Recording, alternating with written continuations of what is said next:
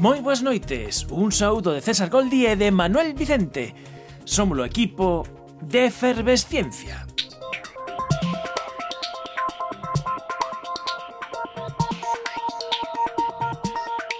As árbores son che moi tímidas, só medran cando non as estamos a mirar.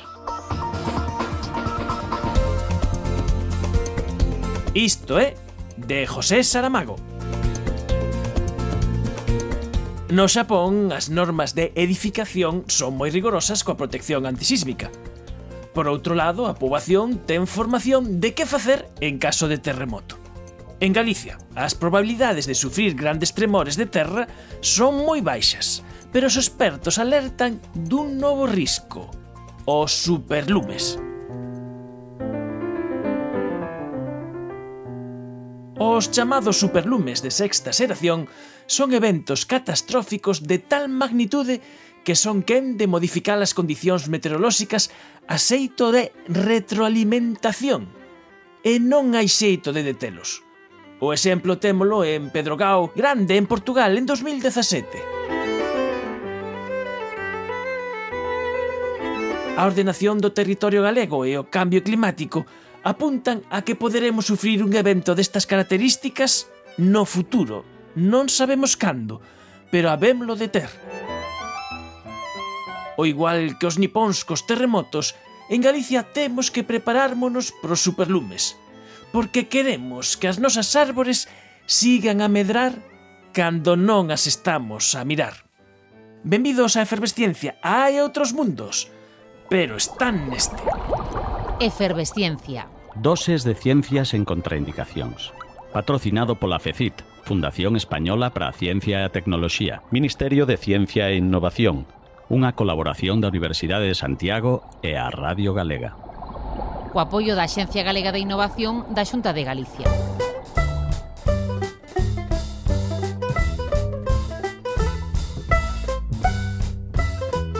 volve Inspiraciencia, o concurso de relatos de inspiración científica.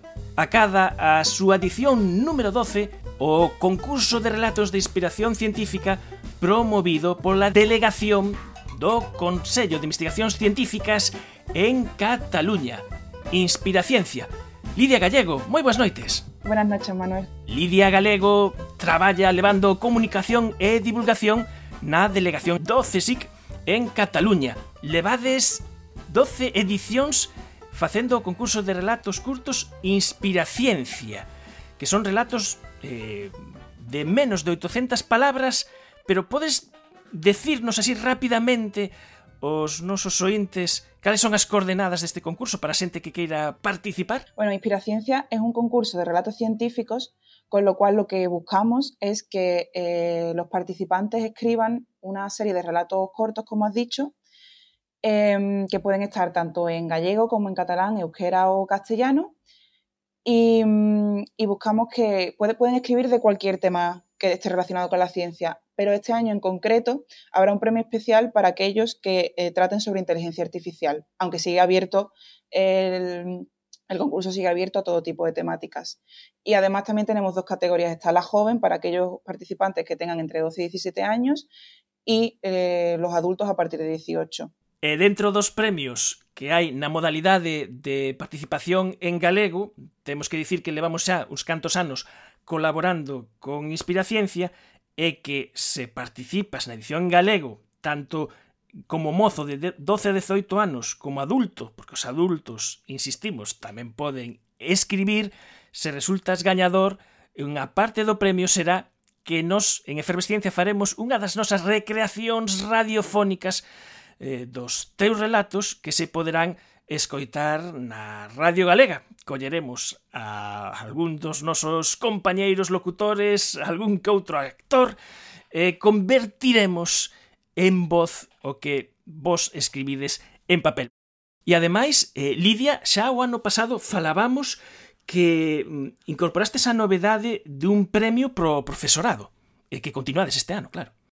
Exactamente, sí. También eh, añadimos este, este premio porque como animamos a, a estudiantes eh, a participar, queríamos también premiar a ese profesorado que muchas veces pues, es el que también ayuda a esos alumnos a participar. Entonces, el premio consiste, eh, se llama de Ciencias y de Letras y consiste en una experiencia que se le brinda a la clase del, profesor o profesora ganador, en el que mm, hacen una especie de taller recreando algunos de los, eh, de los espectáculos que se han hecho en, en Inspiraciencia. Para participar solamente hace falta que realmente que se presente un relato en, esa, en la modalidad joven. E este ano precisamente para fomentar a participación, pusestes en marcha eh, obradoiros e masterclass de escritura.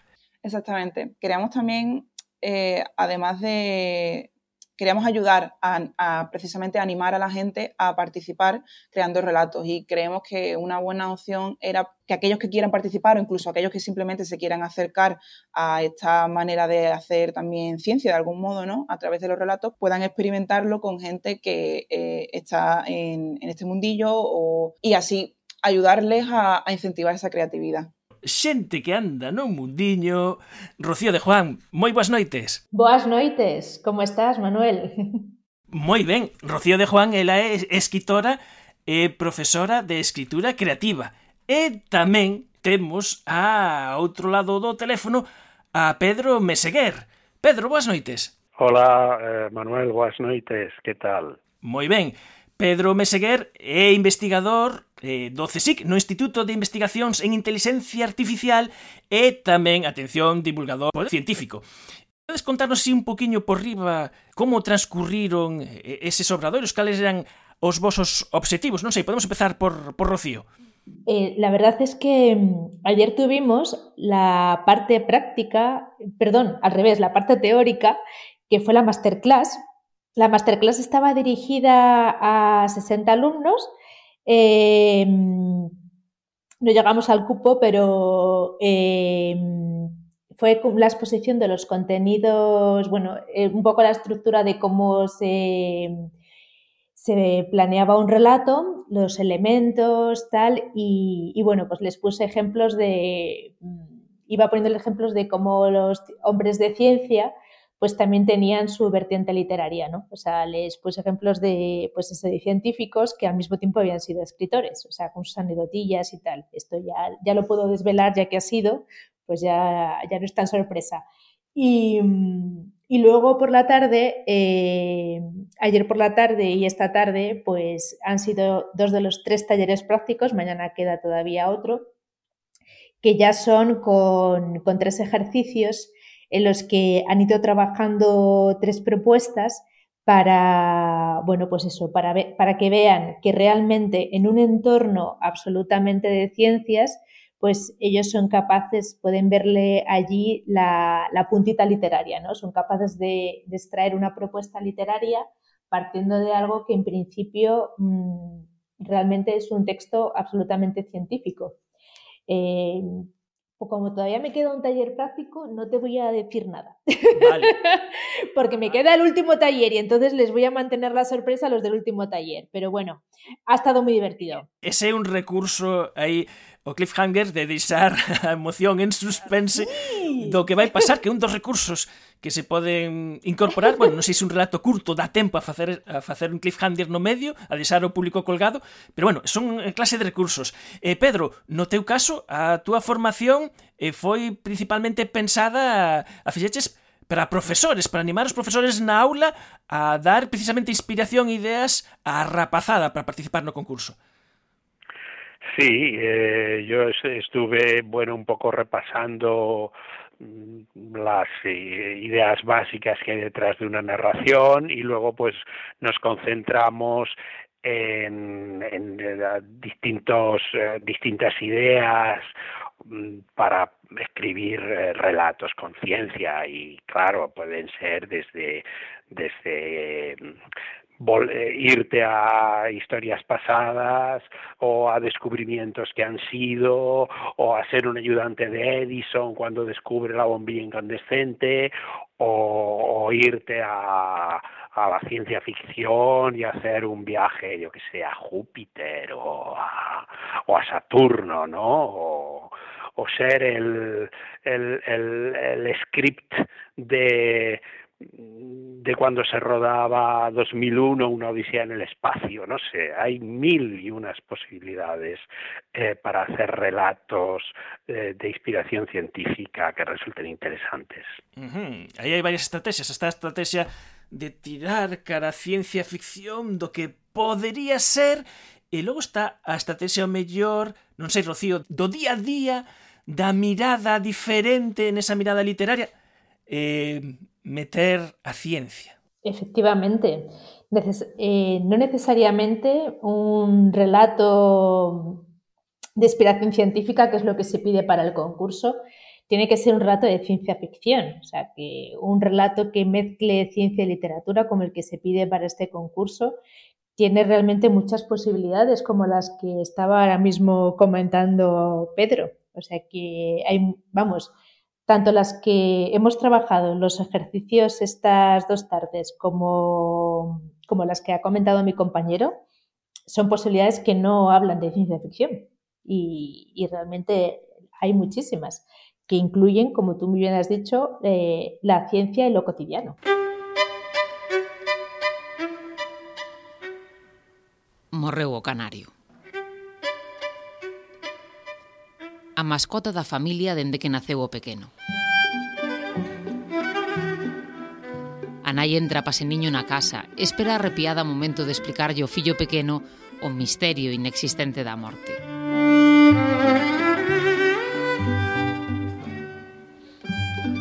É tarde, mas aínda confía en que os rapaces non tivesen tempo de chegar da escola e así ela poder prepararse para darlles aos nenos a mala noticia,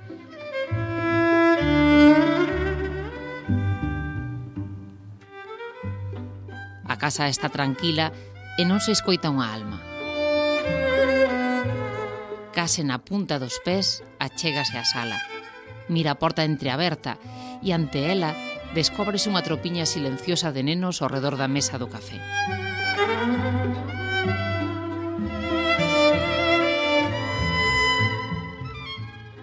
No medio, a modo de quirófano, o pobre paxariño coas súas as abertas e fixadas con dous alfinetes, mostra as vísceras.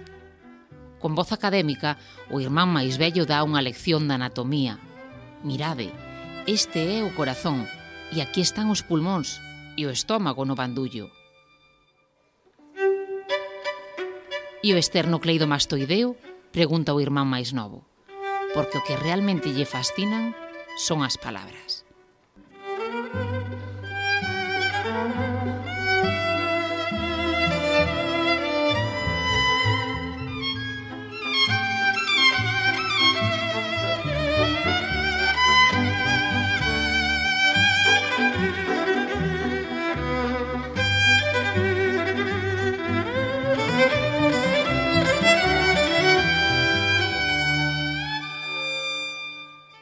A ciencia na Radio Galega. E, e eu coido que aproveitando que vos temos aquí, o que podemos facer é comentar algúns eh, consellos, ideas, pistas para a xente que nos está escoitando na súa casa e que o mellor eh, pois ten na súa cabeza o mellor eu podería participar, pois que non sei, non podo, nunca o fixen, eh, é moi difícil, eh, mándame o profesor a profesora... Bueno, a ver, como rompemos esas barreras? Bueno, tirándote a la piscina, o sea, eh, quizá la primera vez no lo haces, no lo haces bien, pero la segunda ya lo harás mejor y la tercera.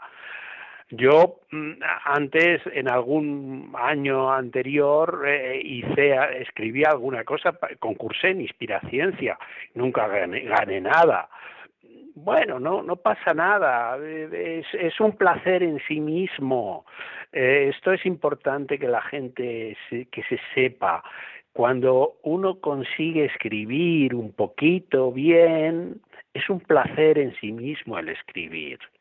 Bueno, es un placer en sí mismo el crear cualquier cosa, quiero decir, eh, música, pintura, estamos hablando de, escribir relatos. Bueno, eso es, en cuanto alcanzas un poquito, tienes un poquito de destreza, eh, bueno, el, placer está ahí y, es una exigencia ya personal la que tú eh, te, te, marcas de cara a que quieres expresar algo. Mm, más complicado, más, más mm, profundo, más sublime, más eh, sutil, eh, en fin. Yo, yo animo a toda la gente a que, a que cojan el lápiz y el papel y, y nos inunden de relatos. Bueno, mm, coincido plenamente con lo que dice Pedro de que el placer de escribir ya es una recompensa en sí misma. Por supuesto, aunque no hayan podido tener plaza en estos talleres, están las grabaciones, ¿verdad, Lidia? Sí, sí, habrá posibilidad de, acceder a los talleres a posteriori, de ver qué se ha hecho. Entonces, pues también, aunque no hayas podido participar activamente, pues puedes ver las grabaciones y, igualmente reflexionar, ¿no? Al final, que está ahí como están, estarán en YouTube, pues entonces también puedes dejar comentarios y siempre ayuda mucho, nutre mucho ver qué dicen otros, que van diciendo otros, ¿no? La conversación. Eh, eh, Rocío eh, eh, pon na súa web que, que escribir é cuestión de tres P's paixón, planificación e perseverancia. Eu, eu penso, estou visualizando o labor do escritor eh, cun lápiz, un papel ou cun ordenador, pero sobre todo cunha papeleira ao lado. bueno, yo creo que cualquier trabajo, ¿no? O sea, mmm, es una labor siempre de estar comenzando y recomenzando. De hecho, en, en, otras páginas de la misma web también pone que, que, parte del secreto es la reescritura, ¿no? Es escribir y reescribir. Es otra cosa, otra fórmula que también digo. O sea que al final uno tiene que, es ensayo-error, ¿no? O sea, hay que, uno avanza volviendo también atrás sobre lo que hace y buscando una versión mejorada. O sea, yo creo que uno tiene que tener un gran componente de autocrítica y de ir avanzando. Pero a mí me gusta mucho la fórmula del taller porque creo creo que en grupo se, se, avanza muy bien. O sea, creo que la mirada de los demás, sobre todo una, una, mirada constructiva, creo que ayuda mucho a avanzar, la verdad. Se aprende mucho de los demás. E desde aquí animamos eh, a, a todos os nosos ointes, eh, bueno, a, a partir de 12 anos, a partir de 12 anos, categoría de 12 a 17 anos, e logo tamén os adultos, que tamén é, é o goce dese placer eh, creativo, e logo tamén a parte dos, eh, do contido que teñen os relatos, están os diferentes recursos que se poden utilizar, non sei, o humor, a emoción, o suspense, a fascinación, e, e non sei se nun relato curto como este se é unha boa baza xogar eh, cun só destes recursos ou misturalos todos. Que o que se debe facer ou que, que cale a, a, tamén un consello nesta liña, Rocío? Hay muchos recursos, algunos son los que has comentado, usar el suspense, usar el humor, o sea, no, no se pueden mezclar todos, claro. Hay que elegir algunos, pero mm, es lo que tú dices, lo que hay que hacer es utilizar recursos. Es de, ese es un poco el, el truco, ¿no? Bueno, el truco entre comillas, no es que se trate de una cuestión de magia, pero sí, hay que conocer los recursos que tenemos a nuestro alcance y utilizarlos para, para crear ese interés en quien nos lee. Lo importante es hacer un relato interesante o sea, que, que, quien nos lea se enganche en esa historia y vea una historia ahí que merece la pena ser leída, ¿no? O sea, que no que desde las primeras líneas diga, Dios mío, otra historia más, qué aburrimiento, o sea, no, no me motiva nada, ¿no? O sea, y que se diviertan muchísimo escribiéndola, eso también es importantísimo. O sea, creo que es tan importante que, que por supuesto, piensen en algo que, que desde luego al jurado le impacte, pero sobre todo que a ellos también les motive escribirla. O sea, uno tiene que divertirse muchísimo escribiendo. De ahí viene lo de la pasión, la planificación y la perseverancia. Si a uno no le apasiona escribir, difícil. Lidia. Yo creo que también puede ser muy importante, tanto comentando con lo que decíamos ahora como con lo de antes, echar cuenta de nuestra propia mirada, porque cada uno siempre venimos de, de de backgrounds distintos, ¿no? Venimos, eh, de hecho, por aquí, por ejemplo, hablamos siempre mucho de la unión entre ciencia y, letras. O sea, tú puedes estar eh, perfectamente, por ejemplo, para los que sean estudiantes, eh, estudiar de, de letras o si trabajas en ámbitos más cercanos a, la, a las letras, pero precisamente desde esa perspectiva también se pueden aportar muchísimas cosas a, a la ciencia que no porque vengas de otros ámbitos no, no puedes escribir. Entonces, creo que también podemos como creo que escribir relatos también puede ayudarte como a ver de dónde vienes y por qué, por qué estás escribiendo lo que estás escribiendo y creo que eso también enriquece bastante y, te y diferencia bastante los relatos unos de otros. Entonces eso creo que también puede ser bastante interesante explorarlo mientras escriben.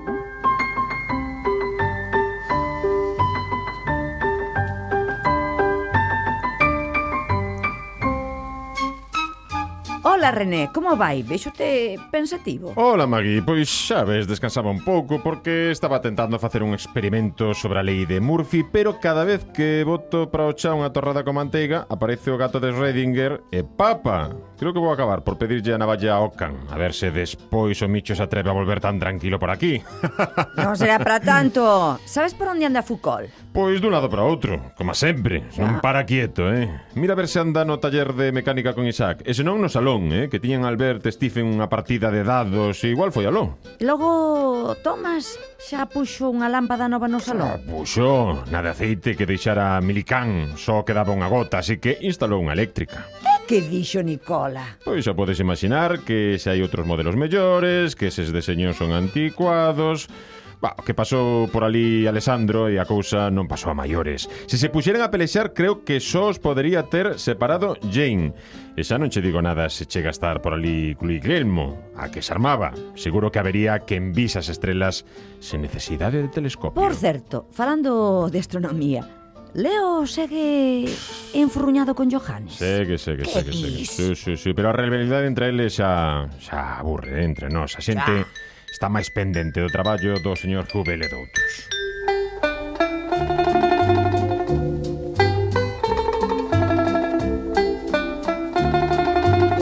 Para traballo, coidado.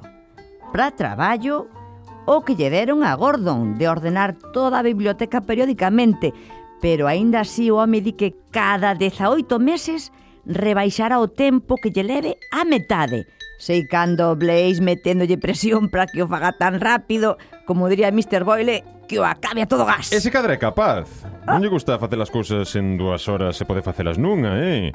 Non se tivera que andar clasificando plantas e animais como a cal ou recollendo e plantando chícharos como a Gregor, seguro que non tardaban deixar esas tarefas. Todo sería programalas ben como fallada, eh? Iso sí, hai que ser moi constante, como o doutor Jenner ou como Louis, que se non non saen as cousas adiante. En fin, vou logo pro taller. Que vaya moi ben. Viña logo. Saúdos a Pierre, eh? Serán dados, son. Adeus. Adeus. Adeus.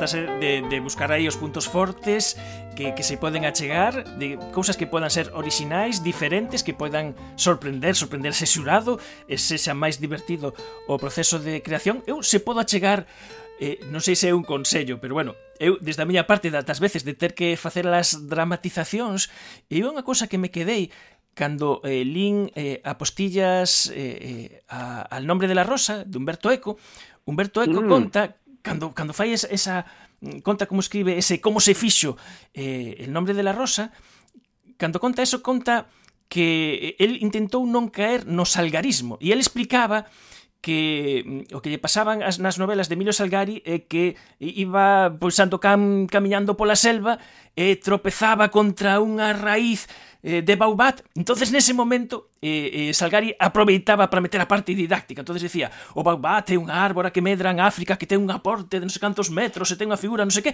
e, e chimpaba aí e metía aí media entrada da Wikipedia. E, e claro, agora xa temos a Wikipedia, non necesario, inda que sexa científico, meter aí a, a, a Wikipedia, meter esa, esa información con unha finalidade eh, didáctica, porque se mellor escápase, eh, fai que o lector escape do relato. Non sei como vedes, eu quedeime con eso e me parece que pode ser un bo consello. Bueno, hay que tener en cuenta que es que en la época de Emilio Salgari, mmm, en fin, o sea, no tenían Google. Quiero decir que es que los, los, libros, es verdad, los libros de los rusos, que, que yo los adoro, están llenos de descripciones que, que, eran necesarias porque es que sus lectores nunca iban a ir a Rusia y no se iban a enterar de lo que existía allí. Entonces, era necesario hacer una descripción. Ahora mismo es que tú dices, ay, a ver cómo era San Petersburgo, y entonces metes, metes San Petersburgo y ya lo ves. O sea que ahora mismo hay, hay, hay información que es absolutamente innecesaria, pero por la sencilla razón de que la tenemos al alcance de otros, por otros medios, ¿no? Entonces, pues eso, ahora mismo lo consideramos exceso de información. En aquel momento era necesario, porque la gente no conocía lo que realmente no conocía lo que era un baobab y si no le mete esa cuña publicitaria, pues no lo sabe. Quiere decir que es que ahora mismo juzgamos con criterios del siglo XXI, pero hay que entender cuándo fueron escritos esos libros, ¿no? O sea que, pero sí es verdad que estamos ahora mismo en una sociedad que va muy rápido, que necesita la información concisa, breve, o sea, al dato y tal. Entonces, bueno, pues ya está, estamos en el contexto de inspiración, ¿no? O sea, de la ciencia, de, ya está, a contar los cuatro datos básicos, lo necesario, lo justo y necesario y tal. Eso también es, es muy interesante. Yo creo que se compenetra muy bien ahí ciencias y letras, que pueden hacer un tándem muy, muy chulo y, y, aportarse mucho. Yo creo que van a ser cosas interesantes. eh, eh, Pedro, eh, a cuestión de que haxa unha a de que haxa unha nova como un premio especial de inteligencia artificial que é o teu campo de traballo a inteligencia artificial é un, campo moi fértil de creatividade eh, eh, para mm, montar historias eh, infinitas. Absolutamente, absolutamente. Eh, eh, no puedo mm, mm, morderme la lengua. Eh, has mencionado el nombre de la rosa. El nombre de la rosa está lleno de libros maravillosos.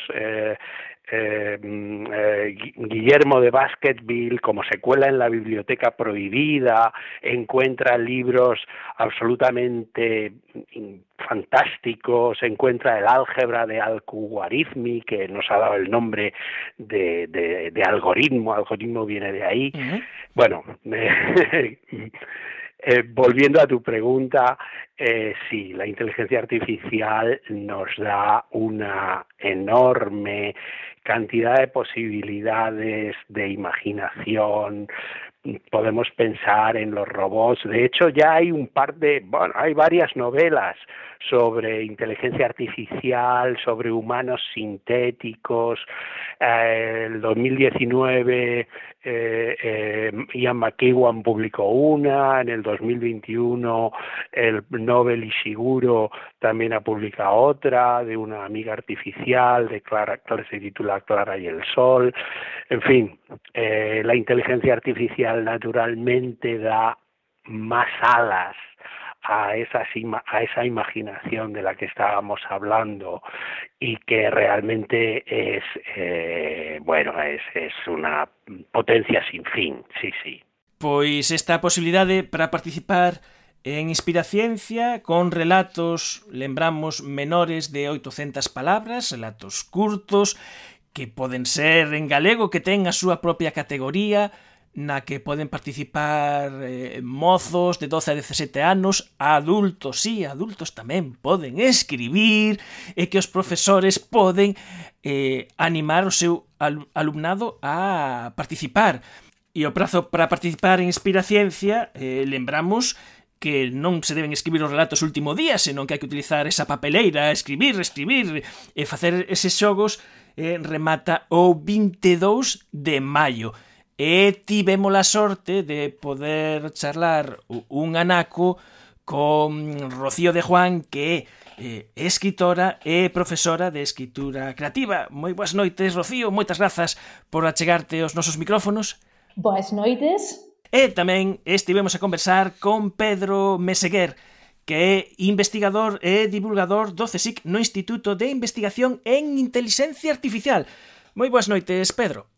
Boas noites, Manuel. E Lidia, moitas grazas por achegarnos Lidia Gallego, unha vez máis este Inspiraciencia. Boas noites e moitas gracias a vosotros por invitarme. Leo que escribiches no guión. Mentes a atención mundial está centrada nos vos suborbitais dos magnates, un grupo de investigadores desenvolven investigacións de vanguarda para a humanidade moi preto dos nosos fogares. Un momento, non mencionas a efervesciencia, perdémonos os loureiros. Isto vai no segundo parágrafo. Eh? Efervesciencia agora está na crónica, os mércores ás 9 da noite na Radio Galega. The hell's gonna read the second paragraph? E quen di diaños vai escoitar o segundo parágrafo?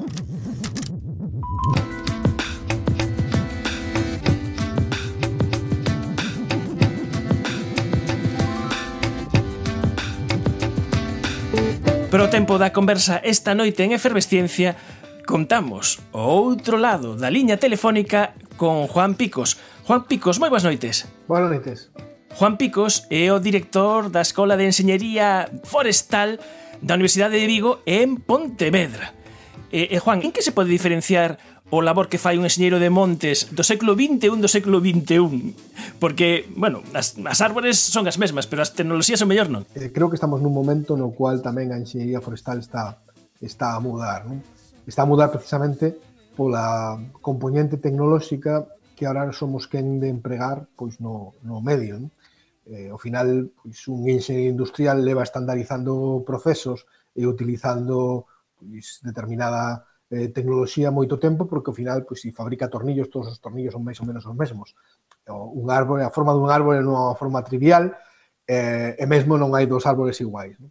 Por lo tanto, o, a capacidade de traballar ahora con sensórica, con ser capaz de eh, modelizar eh, cousas complexas, como pode ser mesmo a forma dun árbore, ou a extensión dun bosque, eh, mesmo chegar a, a aspectos que antes eran a ciencia ficción, como podría ser calcular cantas follas ten un árbore de maneira máis ou menos exacta, eh, o cual non é, non é trivial, ocurre a 15-20 metros de altura e non somos quen, eh, digamos, de simplificalo. Si somos como os nenos que dibuixamos un árbore como un palo e un, e un redondel, somos quen de facelo, e moito tempo a enxeña forestal eh, aproximou modelos tan simples, agora somos quen de incluso chegar a cousas moito máis avanzadas. E eso nos dá moitas máis conclusións para aplicar en nova ciencia, en novos métodos. Co cual, creo que estamos nun momento eh, que, que xa me gustaría ter eh, 20 ou 30 anos menos para estar empezando a miña carreira de enxeñero forestal neste e cara esa eu entendo que cara esa toma de decisións de unha ciencia de maior precisión, eso de contar número de follas, acaba de deixarme totalmente impactado, e, e xogan papel eso, tecnoloxías que antes eh, non se podían utilizar, como por exemplo, eh, ter imaxes de satélites ou utilizar drones, eh, tedes eh, varias investigacións utilizando estas tecnoloxías. Eh, claro, eh, ahora mismo, eso, digo, está abrindo unhas, unhas portas eh, impresionantes, sobre todo porque nos está permitindo medir con precisión aspectos que antes evaluábamos dunha maneira moito máis groseira porque non había non había quen. Non? Eh, isto vai permitir eh, bueno, pois facer seguimento concreto de, de aspectos que mesmo o escapan aos nosos ollos. Non? É dicir, ver un, un monte, un bosque eh, en infravermello nos está dando ideas de como está pues, a súa capacidade fotosintética, se está eh, sufrindo seca ou unha praga ou outro tipo de aspectos. Non? E eso antes Eh, pois temos que esperar a que a praga ou a seca se manifestara en, no seu extremo para que nós fóramos capaces de percibila. Non? É dicir, este tipo de ferramentas aplicado a un sistema complexo como pode ser un ecosistema forestal nos dá moita moita moita información.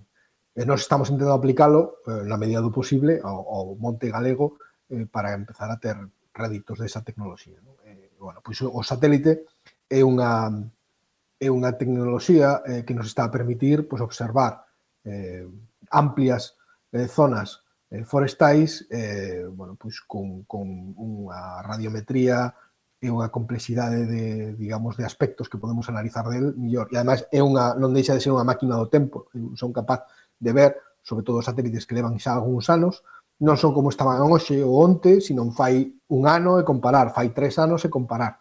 E ser quen de quitar conclusións sobre o que pasou despois desa masa, sobre o que tiña anteriormente ese, esa imaxe de satelital. E falando de xestión sostible dos montes, eh, Galicia eh, ten a particularidade de ter un importante sector forestal pero que ten tamén a, a particularidade de que son moitas eh, pequenas empresas eh, e moitas familias que para, para cales o, o, o sector forestal eh, é unha fonte de ingresos. Eh, sí, eh, o reto O reto en Galicia, sobre todo cando falamos con outros colegas noutras partes, é que nos temos unha silvicultura fundamentalmente familiar, eh, que ademais é eh, aproveitada eh, durante, vamos, na maior parte dos casos por empresas que tamén son familiares, a maior parte das empresas de transformación e de aproveitamento da madeira en Galicia son familiares, eh, son pymes, e por tanto, ás veces é difícil tecnificalas, é difícil que eh, conquerir que adopten novas maneiras de xestionar e, por tanto, eh, nós temos que ser quen de chegarnos a eles eh, e te, tentar avanzar os, os cambios que tamén está pedindo a sociedade, pero tamén esta tecnoloxía nos está axudando a aprender sobre o monte. Non?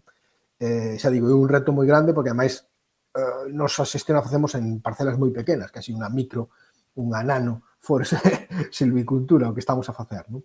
Eh, e iso tamén nos dá moitos retos no, no punto de vista da medición. Cando estamos falando do emprego de satélites, pois noutros sitios onde o que teñen que medir son eh, parcelas e montes e áreas de xestión moi grandes e ese é moito máis sinxelo que nós que temos que prácticamente chegar a unha precisión métrica para diferenciar a parcela dunha persoa da parcela de outra. Non?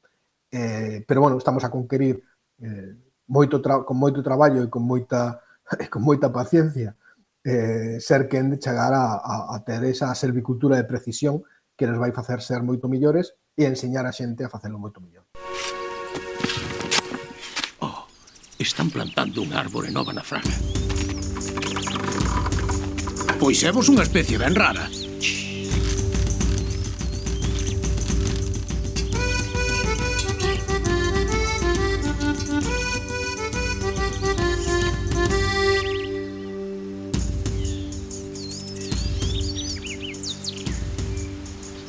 Ei, ei, amigos!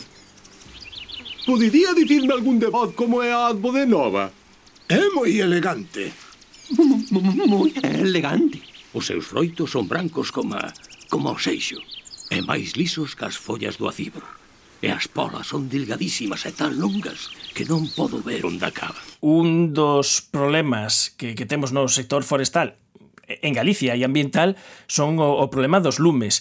Eh, un problema eh, que obviamente ven de lonxe, que é común tamén co norte de Portugal, por exemplo, eh, con toda esta zona, pero que no ano 2017 houbo o que podríamos chamar un punto de inflexión, porque todos os veráns, todas as tempadas de, de lumes, eh, hai nas mellores, hai nas peores, pero ese mm, escenario mudou no 2017 con algo que non víramos ata daquela.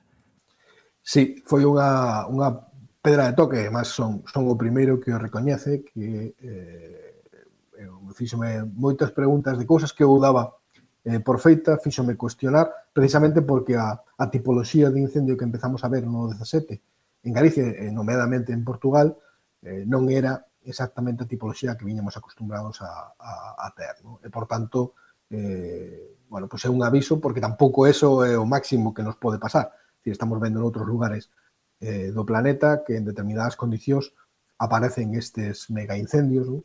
Eh, donde a capacidade de extinción eh, se ve amplamente superada e que ademais provocan grandes problemas. Al final, eh, dos últimos, oh, estuvemos facendo, un intentar recordar o, o, o número de memoria, pero estuvemos analizando os, os lumes dos últimos 10 anos, e o 0,2% dos lumes foron quen de queimar o 30% da superficie ardida neses anos.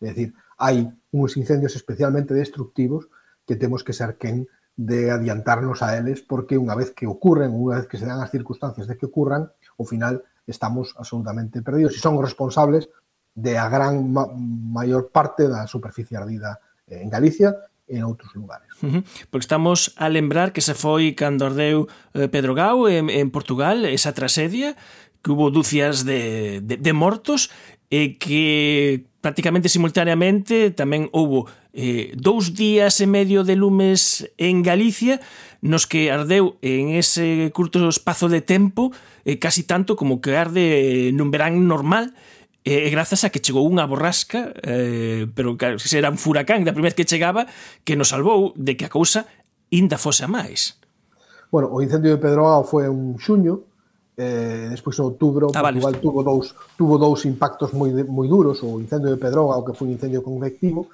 máis os de outubro que foron eh, xa, digamos, no Portugal, Portugal central e, eh, máis extendidos e que tamén, bueno, foi a mesma digamos, non hai diferencia entre eh, a crise deses días en Portugal e a, e a galega. A única diferencia en que nos chegou unos a, a chuvia un par de días antes que en Portugal e, por tanto, aínda tuvemos algo máis algo máis de sorte. Non? Eh, non, non ocurría, ou non, desde logo non temos eh, recordo frecuente de que un, un, un furacán eh, recorrera a costa atlántica de sur a norte levando o vento quente e seco do Sahara eh, ao longo de toda, de toda esta costa atlántica eh, no mes de outubro, despois dun verano bastante seco, e, por tanto, bueno, pues as circunstancias nas que se deu aquela, aquela crise de incendios foron, foron eh, vamos, logo non lembradas eh, nun espacio, digamos, que tuviéramos documentado. Sempre se pode decir que hubiera algún momento na antigüedade que eso pudiera pasar, pero dende logo non tiñamos registro dese tipo de aspectos.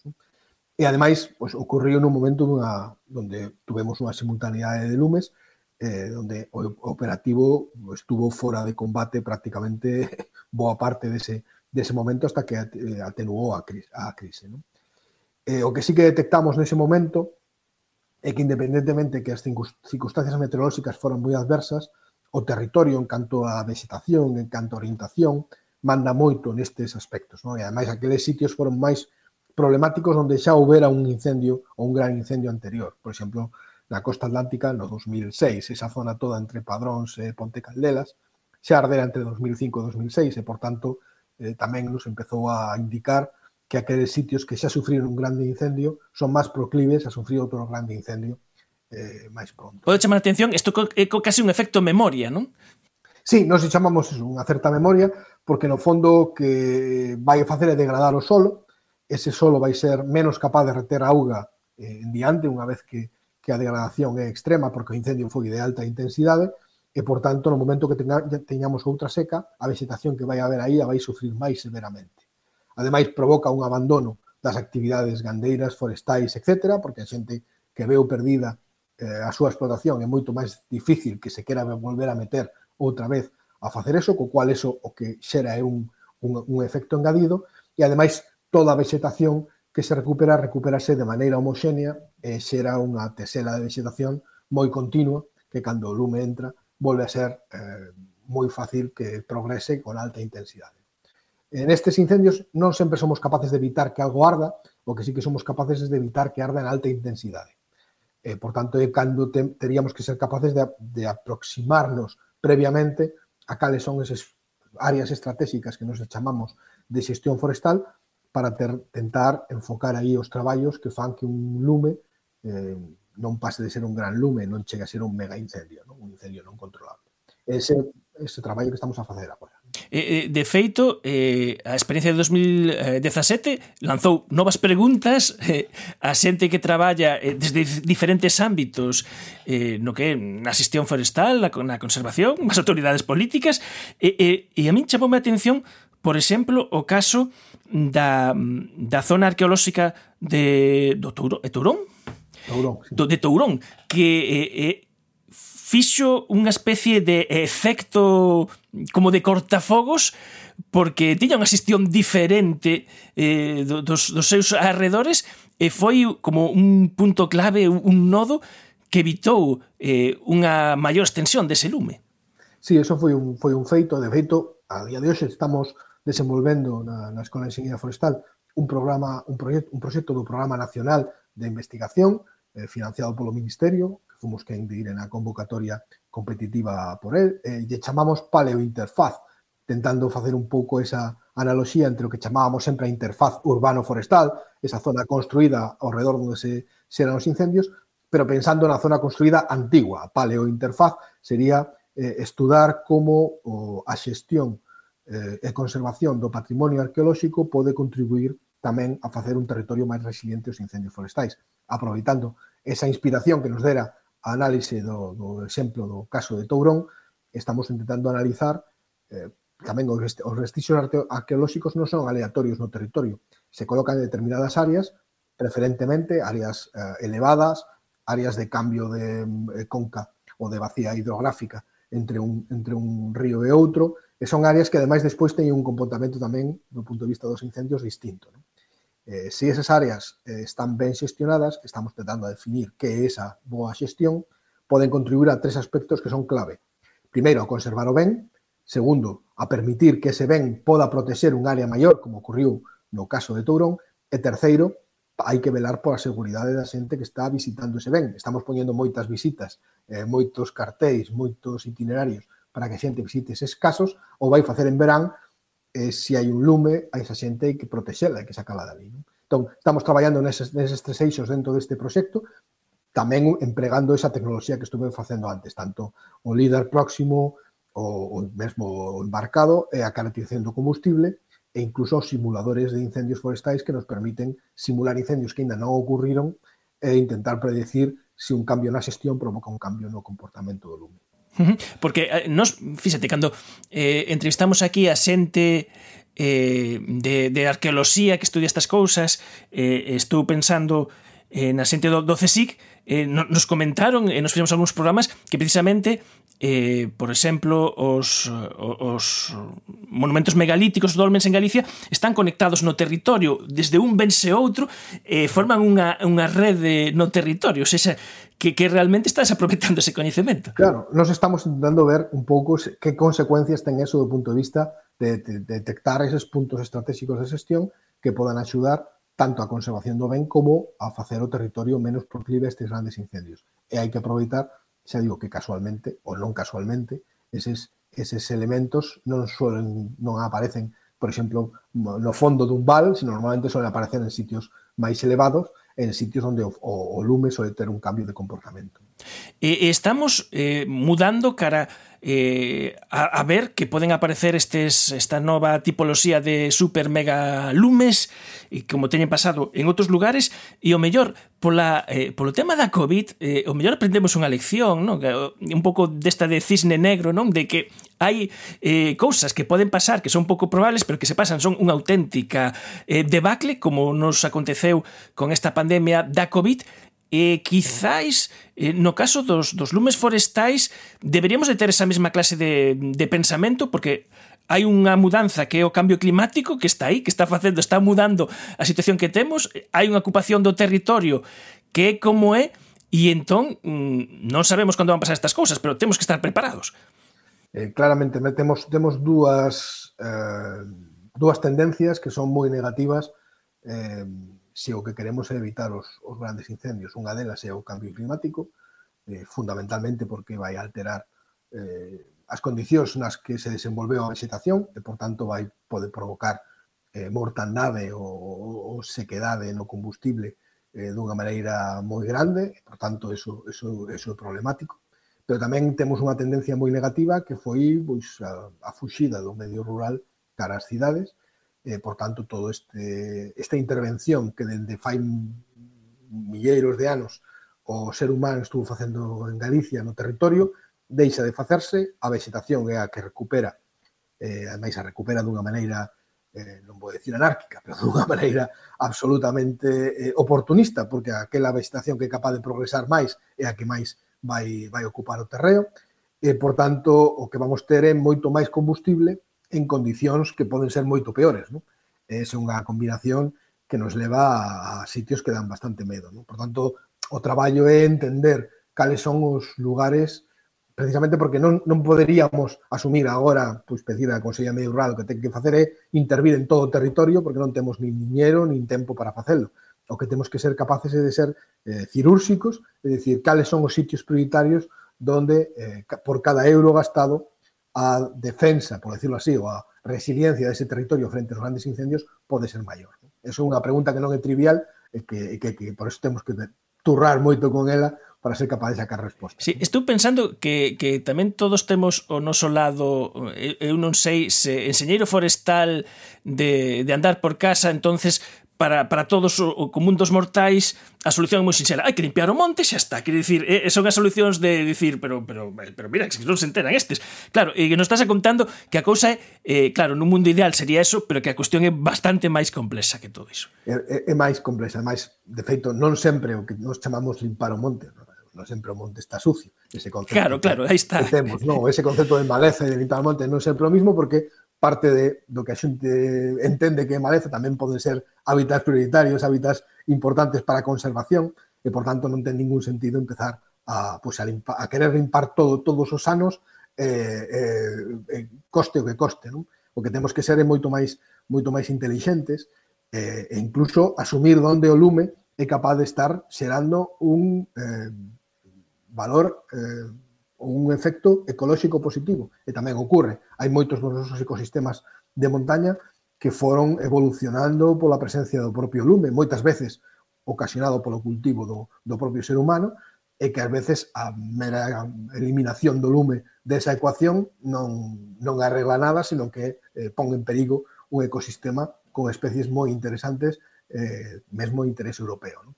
Por lo tanto, o que temos que, que sustituir é ese, ese primeira impresión que teríamos todo de, bueno, pues isto limpamos todo, eh, arreglamos, eh, eh o facemos todos os anos, e, eh, e eh, eh, poñemos todo o diñeiro que faga falta. Eso, eso sería unha, unha solución infantil. Estaría ben se fora, se fora posible, pero non sempre é posible. Por tanto, temos que ser eso, traballar con solucións eh, apoiadas polo coñecemento científico e moito máis intelixentes e moito máis concretas para investir razoablemente tamén o, o, o diñeiro público que non deixa de ser tamén un recurso escaso. Non? Hmm. E unha última cuestión. Eh, se ti vives no Xapón, mm, eh, tes, eh, desde que és pequeno, na escola, eh, con, contanche que tes que facer cando hai un terremoto, onde te tes que poñer, onde tes que ir, se tes que entrar, se tes que sair, se tes que mover, que pasas hai unha alarma de tsunami, eso forma parte dunha cultura de prevención eh, o mellor unha das cousas que deberíamos aprender dos lumes de 2017 é a necesidade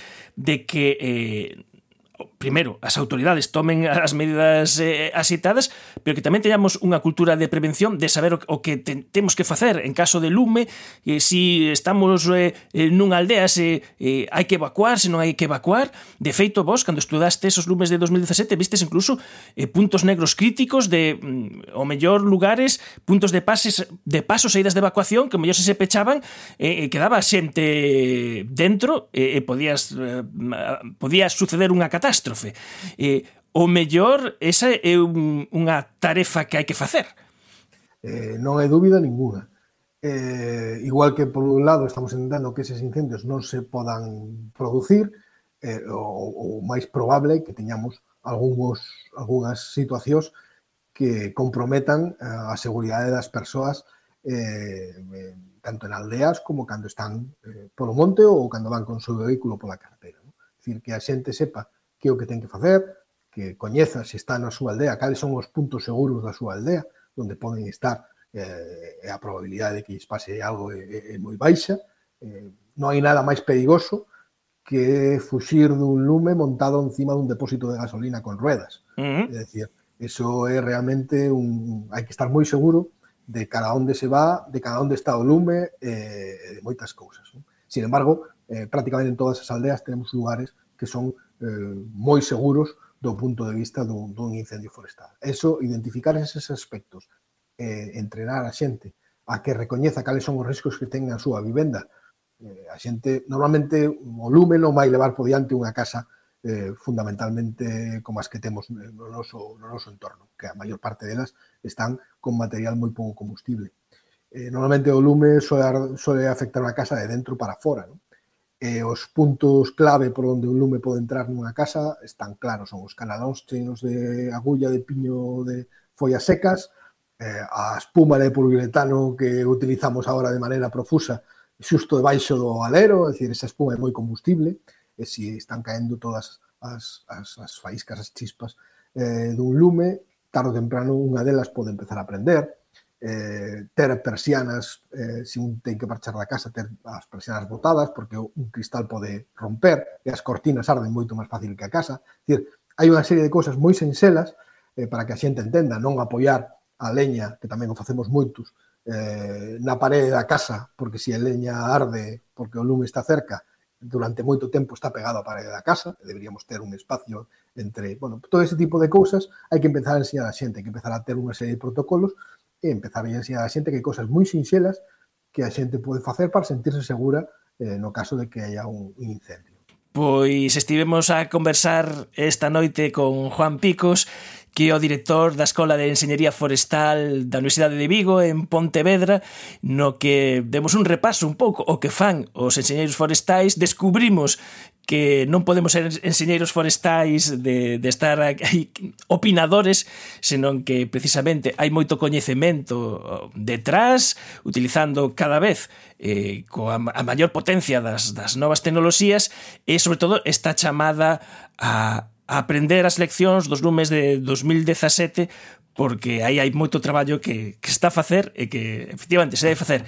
Eh, Juan, pois moitísimas grazas por atender a chamada de Fervesciencia e, eh, bueno, máis adiante xa nos seguirás a contar como evolucionan eses proxectos. Claro que sí, encantado de estar con vos. Efervesciencia. Patrocinado pola FECIT, Fundación Española para a Ciencia e a Tecnoloxía, Ministerio de Ciencia e Innovación, unha colaboración da Universidade de Santiago e a Radio Galega. Co apoio da Xencia Galega de Innovación da Xunta de Galicia. E escoitámonos o vindeiro mércores na Radio Galega. Adeus. Adeus.